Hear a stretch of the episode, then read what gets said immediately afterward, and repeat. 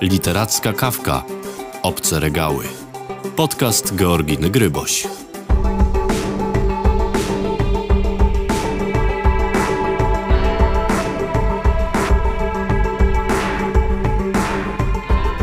Partnerem podcastu jest Audioteka. Posłuchaj dobrze opowiedzianych historii.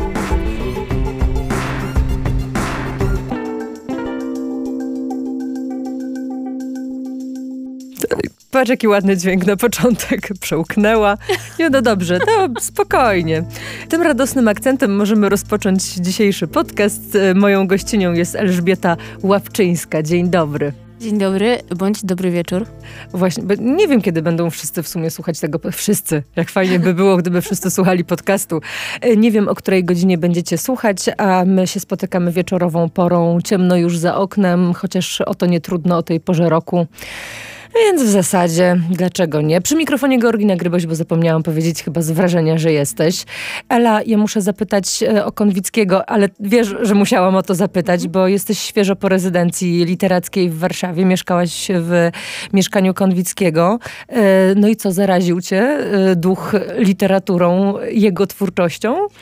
Y, nie wiem, ale śni mi się co najmniej już trzy razy, a wróciłam półtora tygodnia temu, więc śniło mi się i mieszkanie, i fakt, że i sam Konwicki, w sensie jego literatura, jego kot, więc myślę, że zostało we mnie trochę Konwickiego ale jest coś takiego w tych miejscach, w których przebywasz, bo zawsze się zastanawiałam, czy to są miejsca ogołocone, czy wręcz przeciwnie, napakowane jakąś energią, czy my sobie do tego dopisujemy. Bo jak mm. sobie próbuję, wiesz, wyobrazić taką przestrzeń nawet w kontekście mieszkania y, Szymborskiej, które też teraz w taki sposób jest użytkowane. Ostatnio sobie zadawałam takie pytanie, czy, czy to nie jest trochę jak hotel? Czy tam mm. zostawiasz y, trochę siebie, czy po prostu ciężar takiej naszej opowieści, którą się buduje w głowie, bo zajmuje zajmujemy się tym, czym się zajmujemy, o czym za chwilę będziemy rozmawiać i po prostu dopisujemy sobie jakąś historię, jakąś opowieść, jakiegoś ducha do miejsca. No przede wszystkim rzeczywiście one są ogołocone i takie hotelowe, przynajmniej y, mieszkanie Konwickiego, ale, ale podejrzewam z tego co wiem to mieszkanie Szymborskiej również, w takim znaczeniu, że one są no, odnowione w takim fajnym standardzie, e, jasne. I są tam też artefakty i takie rzeczywiste, na przykład krzesła, jakieś, y, jakieś rzeczy użytkowe, ale też y, takie pomniczki, czyli książki. Owszem, tak. Ale jak zaczynasz e, wyglądać przez to okno, przez które też Tadeusz sobie wyglądał, jak chodzi, chodzisz tą trasą Nowy Świat Teddy. i tak dalej, no to trochę jest, e, no zaczynasz myśleć o tym, że trochę żyjesz jego życiem, w jakąś, jakąś jego przestrzeń wchodzisz, że tutaj sobie czytam. Mieliśmy na przykład, ja wyczułam jakoś chyba po prostu może to miejsce konkretne, taka leżanka y, była fajna, która od razu pomyślałam, że tutaj będzie się super czytać i już pierwszego, nie wiem, popołudnia od razu tam zasiadłam z książką i potem gdzieś w, w książce y, Nowe Świat i okolice zobaczyłam jego rysunek, autoportret na tej leżance, gdzie on sobie tam właśnie też chillował, więc no tak potem wtedy poczułam, no no coś, jest. Coś w tym jest. No. Często mówi się, że czytanie cudzych książek, obcych książek, jesteśmy w obcych regałach, więc obce książki, dają perspektywę wyboru innego języka, w ogóle słuchania innego języka, wsłuchiwania się w niego, innej narracji, innego spojrzenia. No można mnożyć przykłady, no ale równocześnie też takim swoistym językiem jest muzyka, czy mm, inną perspektywą, inną opowieścią jest malarstwo. Mhm. To tylko i wyłącznie dlatego, że pracujemy w słowie, twoim mhm. zdaniem powinniśmy czytać, a nie na przykład przesiadywać w galerii, kiedy piszemy? Ja też przesiaduję w galerii, kiedy piszę i kilka fajnych inspiracji mam z galerii, ale właśnie to wszystko jest różnie dostępne. Muzyka jest bardziej dostępna niż galerie, no nie? Więc y, i muzyka też jest paliwem wielu, wielu tekstów literackich. Popkultura jest też jej paliwem, bo to jest jakby częścią naszych, naszych doświadczeń. To nie musi być sztuka wysoka, tylko po prostu przeżywanie wielu rzeczy. I myślę, że jest czymś takim. Ale z książkami jest o tyle specyficznie, że z jednej strony wspomniałaś o tych innych światach. Właśnie wydaje mi się, ja tak mam przynajmniej, że przez literaturę i to właśnie prozę, a niekoniecznie przez non-fiction, poznaję światy, jakby tak kulturoznawczo nawet do tego podchodzę, nie? Czy mhm. na przykład kiedy wyjeżdżam do jakiegoś kraju, to czytam prozę właśnie z tamtego kraju. I właśnie przez ten świat, który się wyłania przez prozę mi naj, naj nie wiem czy naj, nie wiem czy naj, ale mi po prostu wchodzi i w ten sposób tworzę sobie jakieś wyobrażenie o tym e, miejscu i jakieś pewne niuanse da się wyczuć, które być może w innych mediach nie są tak... Może, tak wyraziste? Tak, tak ale też e, może dają troszeczkę bardziej kawę na ławę, a w, e, chyba w literaturze troszeczkę więcej się przemyca gdzieś tam takimi kanalikami gdzieś między linijkami e, po prostu jest jakiś naddatek, który nie jest tylko informacją, ale też jakimś stanem, nie chcę powiedzieć stanem ducha, ale... ale możesz tak mówić sobie, tak to wszystko się, możesz. tak, później tak później Tomasz będzie wycinał. Jak się zapędzisz. No, więc, yy, więc dla mnie właśnie tak, poznawanie światów, ja właśnie uwielbiam to yy, w literaturze, że czytając książki na przykład autorów i autorek z e, Haiti albo z e, Trinidadu, poznaje ich świat nie tylko w znaczeniu materialnym, ale po prostu poznaje ich jakąś taką, no znowu nie chcę powiedzieć duszę, to jest okropne słowo. Na przykład w przypadku... Uwaga, teraz zaczynamy. Chyba tak. Tak płynnie przechodzimy. Płynnie, pięknie, proszę. W przypadku Antonego Josefa i jego książki Afrykańskie korzenie UFO, to poza tym, że jakiś obraz współczesnego Trinidadu jest nam dany i super jakoś poznawczo nam to satysfakcjonuje, ale nie, w ogóle nie w tym rzecz. E, rzecz jest w e, tym, że poznajesz też w tej książce, która jest bardzo poetycka, ale też frikowa, narwana. To jest afrofuturyzm, e, który ma trzy takie swoje oblicza ponieważ składa się z takich trzech części. Jedna jest poświęcona takiej wizji, e, no właśnie, afrofuturystycznej, w której ta czerń skóry jest, e, jest jakąś, e, na jakiejś tam planecie, jest czymś pożądanym i właśnie się ją stymuluje przez konkretne środki.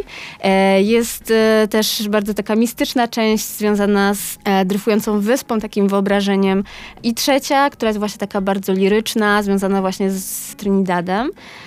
I tego właśnie nie czyta, mimo że jest to proza, proza poetycka. I właśnie ja, ja ją e, do, doświadczam jej bardziej jak, jak właśnie poezji. W tym sensie, że ona tak tak gdzieś ląduje na skórze i ją wchłaniasz przez takie, nie wiem, pory. I to, co się właśnie przez te pory e, dostaje do krwiobiegu jest, e, jest chyba taką esencją, którym właśnie po to czytam te, te książki właśnie z tak innych kręgów kulturowych, innych, ogólnie inności. Mhm po to, żeby, żeby właśnie, no nie wiem, no, no poznać, ale też... Przepraszam, no. że ci wejdę w słowo, bo powiedziałaś o innych kręgach kulturowych mhm. i o literaturze twórców na przykład afrykańskich. Powiedziałaś o Trinidadzie i powiedziałaś z taką pewnością, że no mamy jakieś informacje, które budują nam obraz Trinidadu i uzmysłowiłam sobie z bólem, że ja nie mam obrazu Trinidadu. Mhm. Pewne rzeczy są dla mnie tak dalekie, mhm że ja faktycznie intencjonalnie nie sięgam po to, żeby badać. Nie wymyślam sobie jakiejś nazwy y, miasta albo państwa, które jest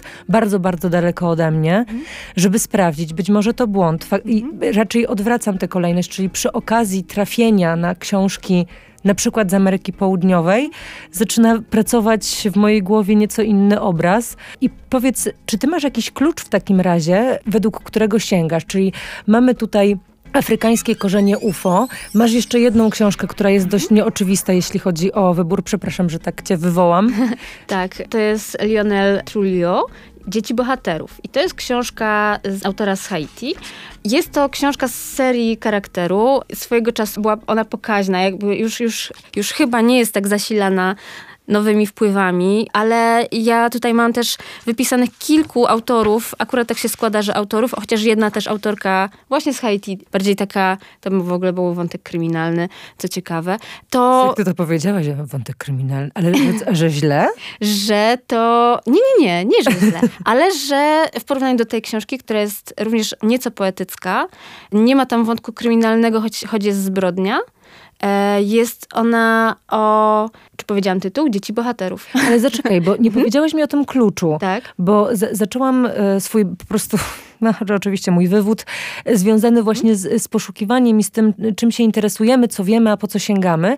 No więc patrząc choćby na te dwie książki, które przyniosłaś, żeby o nich opowiedzieć, zastanawiam się w takim razie, czy ty intencjonalnie szukasz książek z innych przestrzeni tak, tak, kulturowych? Tak. Yy, totalnie, Bo ich nie jest dużo. Wiele osób narzeka, że, mhm. na polski, że polski rynek jest taki mocno anglosaski. No tak, tak, chociaż ogólnie tak, muszę powiedzieć, że nie czytałam tego tak dużo, jakbym chciała, bo rzeczywiście teraz też e, Bartosz Wójcik na przykład, który napisał wstęp do Antonego Józefa, który jest e, w, no, człowiekiem, który jest specjalistą od tej literatury, od przekładów, bo to jest też bardzo ciekawe, że to są języki, no angielski, francuski, ale bardzo konkretny, prawda? Z, mhm. więc, więc to nie są e, łatwe sprawy do przełożenia. No więc ja się tym po prostu jaram. Nie wiem skąd, ma, skąd mi to przychodzi, ale mnie interesuje to, co jest nieznane, nudzi mnie to, co jest pod nosem. Dlatego chętniej po prostu sięgnę po taką książkę, e, która mówi o, o małym wycineczku świata, o którego problemach mogę nie wiedzieć, problemach, czy w ogóle jakiejś takiej specyfice, jakiegoś sposobie myślenia, o, nie wiem, e, symbolice tego e, miejsca, które się gdzieś nawet właśnie w takich bardzo współczesnych realiach, e, o których opowiada ta książka, gdzieś się przechodzą, są obecne.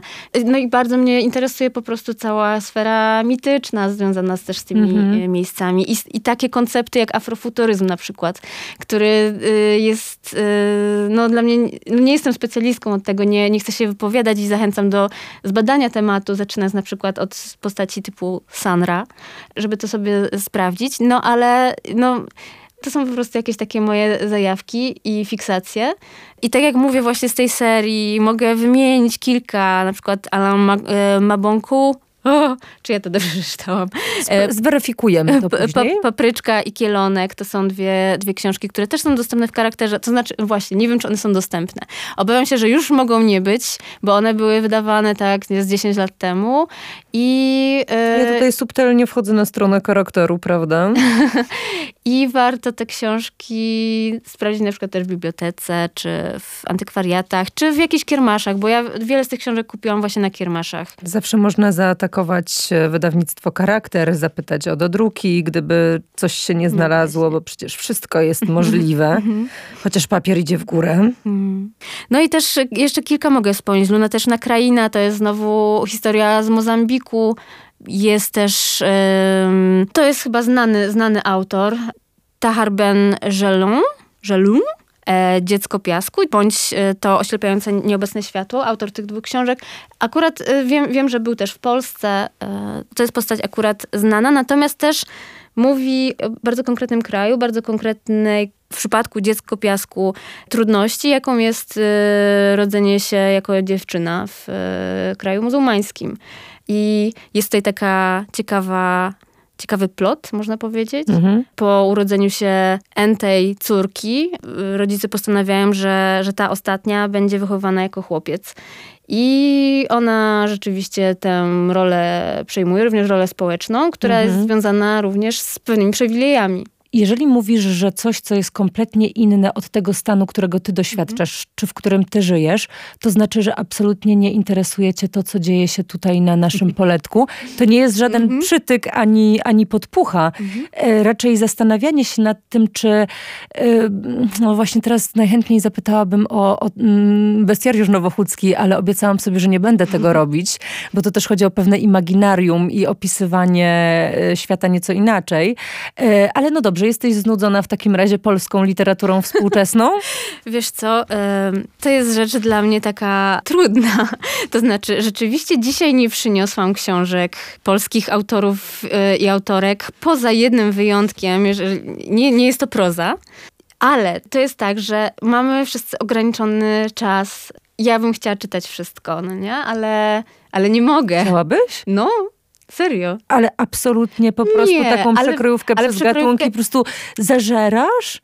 Nie, no może nie przez wszystkie gatunki, ale, ale chętnie bym też zajrzała. Naprawdę. Bo y, po prostu tak jak lubię czytać, nie wiem, y, jakąś prasę, która nie do końca mi też pasuje jakoś światopoglądowo, to w ramach po prostu ćwiczeń poznawczych, no, no tak.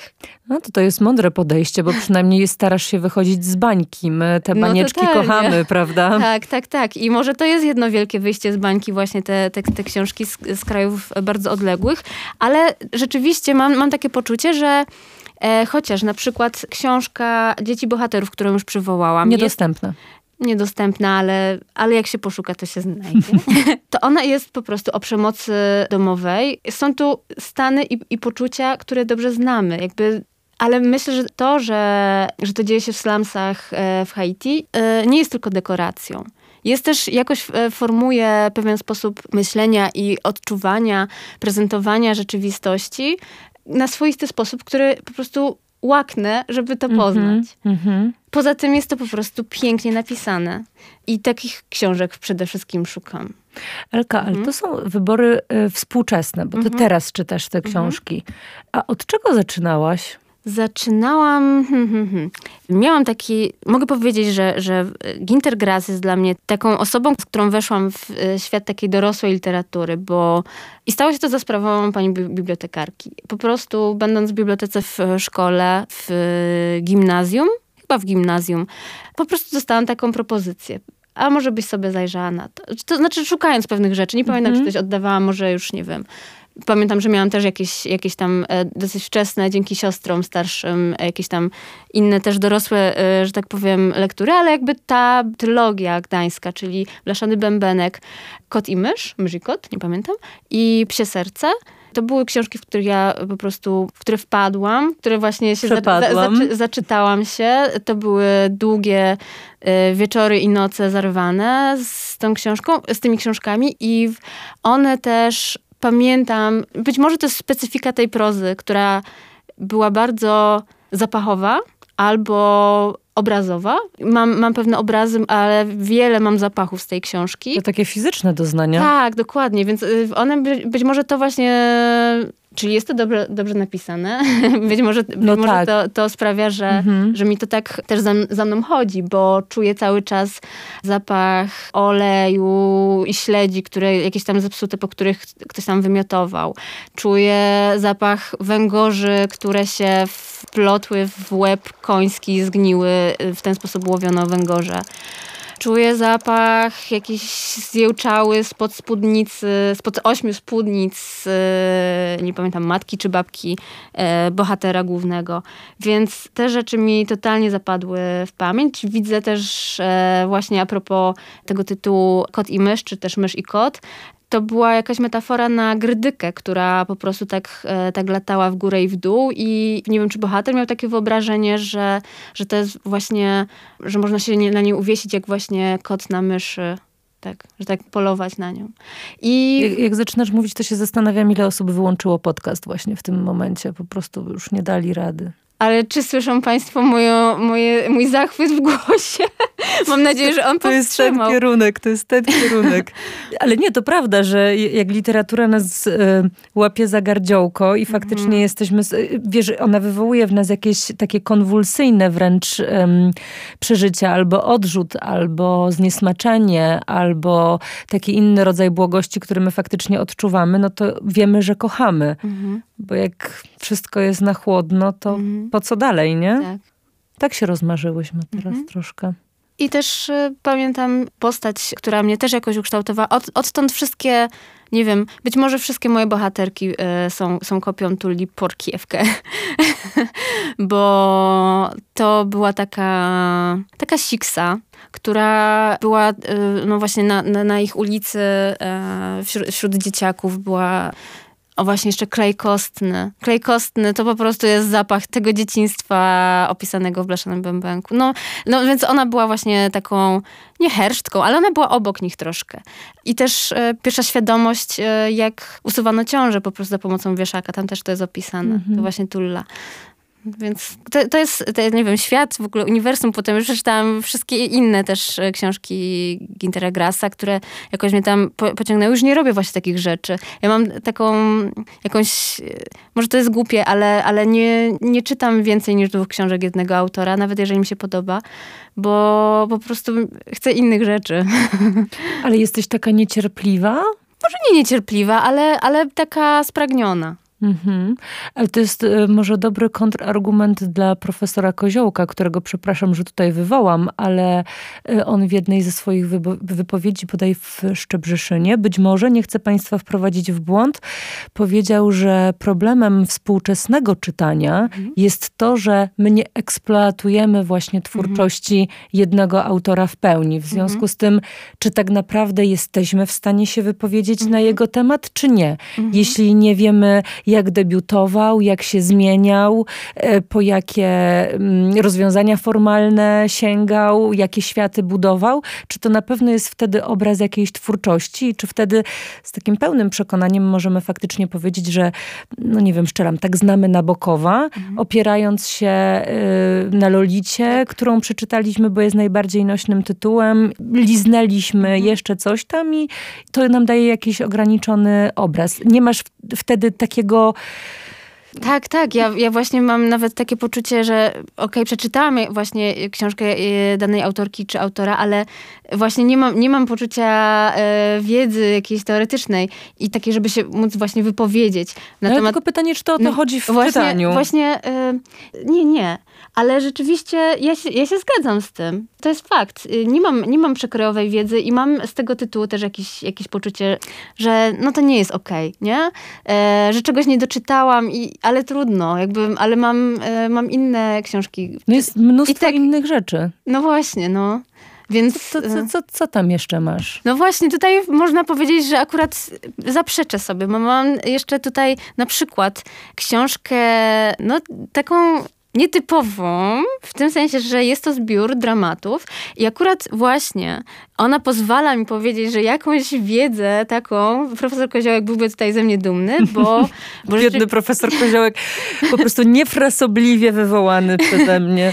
Bo rzeczywiście tutaj bym mogła, mam pewną wiedzę, takie oczytanie z różnych e, po prostu teł autorki, a jest y, nią Zyta Rudzka. To powtórzę to, co powiedziałam przed rozmową, czyli, że zaskoczyło mnie to, że przyniosłaś dramaty, bo e, Zyta Rudzka święci triumfy teraz w, w internecie i poza nim e, i się zachwycamy prozatorską e, jednak twórczością ludzkiej. To tak. co tam wygrzebałaś w tych dramatach, że cię tak no, pociągnęły? No, no to jest, mm, jeżeli Państwu podobała się książka Ten się śmieje, kto ma zęby, to polecam zajrzeć do zbioru dramatów lub po prostu wyszukać. Część z nich jest dostępna online. Akurat mam przed sobą takie wydanie, które jest zatytułowane Zimny bufet od jednego z dramatów. E, jest to wydane przez wydawnictwo Panga Pang, które to również wydawało, z tego co pamiętam, również Mateusza Pakułę.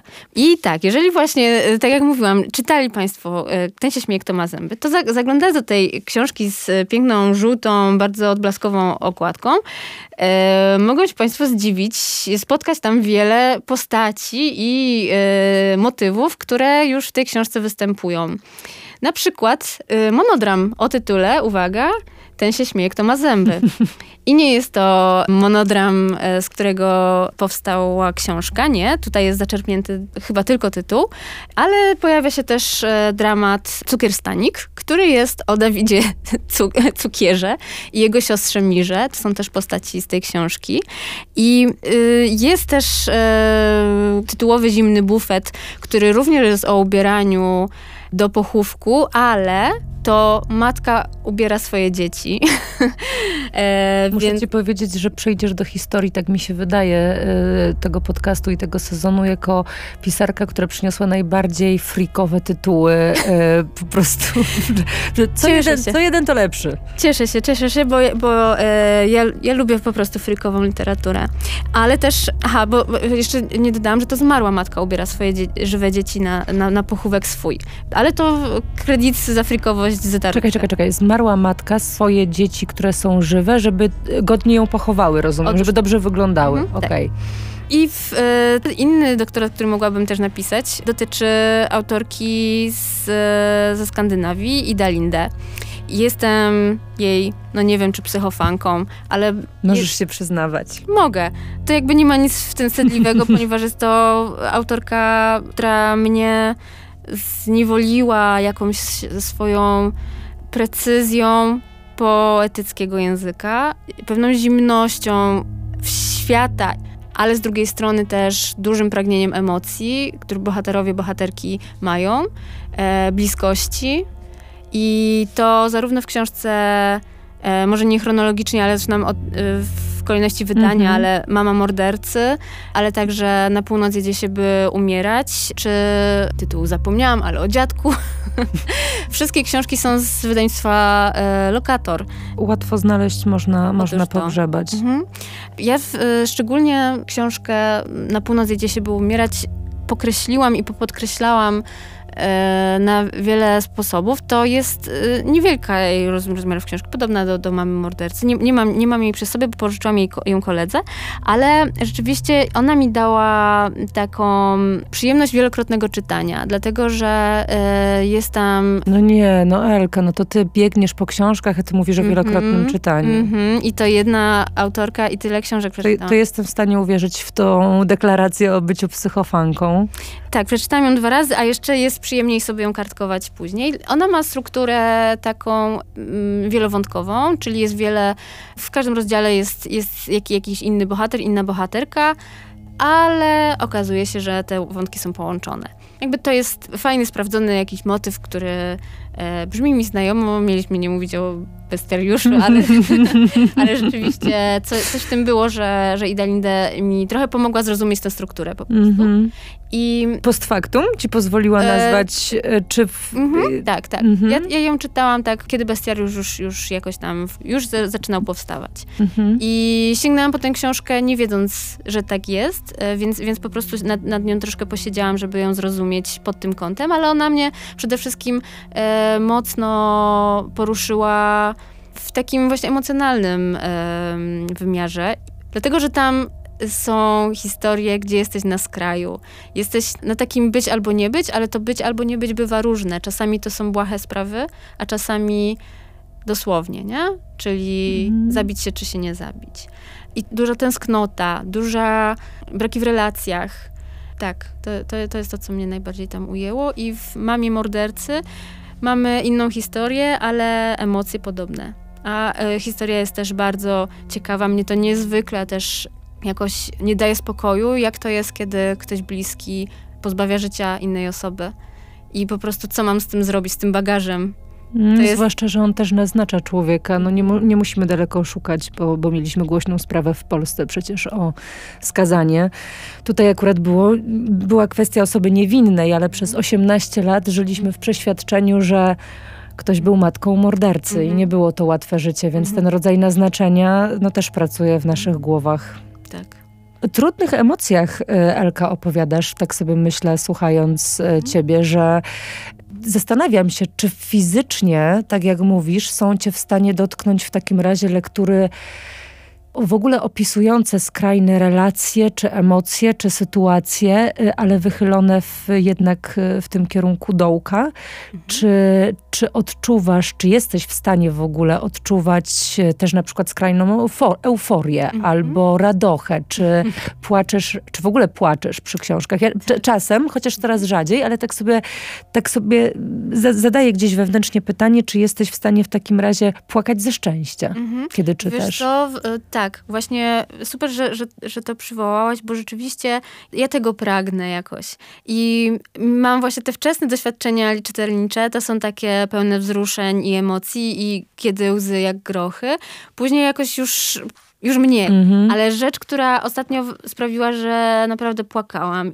I to było wzruszenie takie okej, okay, takie, takie związane właśnie z, z z dobrymi mhm. emocjami, w takim znaczeniu, takim, które przynoszą jakąś, y, jakąś satysfakcję. I to była książka, tak w ogólności też dosyć mroczna. Chodzi mi o Weronikę Mabardi i też właśnie lokator. Pewnego dnia zabiorę wszystkie słowa i pójdę do lasu. I to jest y, książka też z moim z motywem, który też mnie niezwykle kręci w takim znaczeniu, że ja go też jakoś eksploruję i w swoim pisaniu, i w e, historiach. To jest temat milczenia, zaprzestania mówienia z własnej woli, mm. e, wycofania się w ten sposób jakoś, jakoś ze świata. I tego czynu dokonuje e, dziewczynka po śmierci swojej matki. Można z jednej strony dos, doszukiwać się e, jakby mechanizmów psychologicznych, które za tym stoją, ale dużo ciekawsze jest założenie, że jest to jej świadoma decyzja wycofania się ze świata, żeby mu się przyglądać też sprawom, w które za, zaczęła być angażowana i w relacje. Przepraszam, mhm. że ci przerwę. A propos milczenia, czy czytałaś może zbiór reportaży Agaty Romaniuk o późnych miłościach? Mhm. Jest tam opowiadanie, które powinno Cię zainteresować, ponieważ jest związane z milczeniem. Mm. Głowa rodziny, pewien dziadek, milczy po śmierci swojej ukochanej, ale w którymś momencie coś się zmienia, ale nie chciałabym ci spoilerować, bo jest to niezwykle wzruszający, wzruszający finał i moment, ale on też pokazuje być może, co jest ważne, albo co jest na tyle ważne, mm, żeby w milczeniu coś się zmieniło, albo żeby przestało być milczeniem, mhm. ale momentalnie po prostu mi rozbłysł y, ten obrazek, który miałam czytając y, właśnie to opowiadanie y, Agaty, więc tak podrzucam. Dzięki. Jak będziesz miała chwilę, to, no, to sięgnij. No, no więc mhm. to bardzo bardzo chętnie, bo jest to dla mnie po prostu temat niewyczerpany i tak, tak mocno mnie pobudzający, że popatrz, ja się już tak unoszę. Więc dzięki. I tak, i rzeczywiście końcówka e, była taka, no jakby nie wiem, czy to jest. Tam chyba właśnie zagrały emocje, a nie jakaś konstrukcja, która zmierza do happy endu bądź nie. Ale być może jakaś struna poruszona właśnie w relacji jej z e, jej opiekunem sprawiła, że, że po prostu ryczałam. I jakby co, no i co z tego można by powiedzieć, prawda? Jakby dla, dla mnie po prostu to są te... No ale tego nie kupisz w kiosku. No, no tak, to była chwila takiej, nawet nie chodzi o to, o to, że już wtedy się rozpłakałam, ale cała, ja to przeczytałam w jeden dzień, w lesie jeszcze. I, I cały ten dzień był po prostu jakimś płynięciem przez tak delikatne wzwyżki i spadki jakichś nastrojów, le, leśnej metafizyki. To znowu jest dosyć poetycka proza. No ale o, o tematyce nie, nie, niezbyt takiej znoszącej. Muszę powiedzieć, że, że chętnie bym przeczytała coś takiego zabawnego, co po prostu rozśmiesza. Parę razy się zaśmiałam czytając e, właśnie taką poczciwą książkę, jaką jest Trash Story e, Mateusza Górniaka. I, I właśnie ona jest taka... Poczciwa książka. Przepraszam. No, żeby nie używać słowa czuła. Dobrze, poczci, poczciwa książka, dobrze. To, to właśnie... On, no tak, ona była właśnie taka, że ale też nie zawsze. Ta, ja się śmiałam jest... przy Rzeszocie Bartka Sadulskiego. O, ja też, ja tak, też. Przy, no. Rzeszot mi bardzo poprawił nastrój i był takim trochę wyciągnięciem e, właśnie z tej aury często eksploatowanej y, w, w literaturze y, ostatnimi czasy, czyli takiej autobiografii, rozliczania się trochę z, z przeszłością, z demonami, y, tych pierwszoosobowych narracji. A tutaj była pewna rubaszność, mhm. której i, i w ogóle wyobrażony świat, nawet jeśli podszyty mocnym researchem i znajomością historii, to było po prostu smacznie zabawne. Tak, i ja w ogóle miałam wrażenie, że chyba Bartek się dobrze bawił pisząc to wszystko. W tym sensie, że widać i czu, czuć ten lek Czuć fan. Właśnie, tak, dokładnie. Dobrze, mam dla ciebie ostatnie pytanie straszne. Jest to pytanie pod tytułem jaką czytelniczką w takim razie jest Elka Łapczyńska? Masz e, trzy epitety, które sobie mm -hmm. możesz teraz y, dowalić. Poszukiwaczka frików. mm, mm, mm. e, no nie wiem. E... No, pani pisarko. Pani pisarko, no trzy. Właśnie pisarka, trzy. A, nie, a nie mówczyni.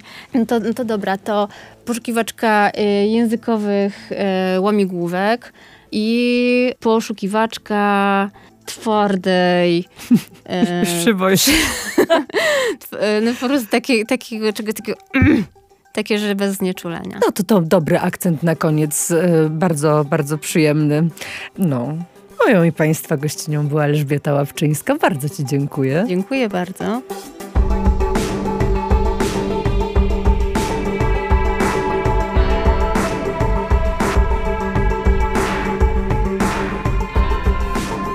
Literacka kawka. Obce regały przeglądała Georgina Gryboś.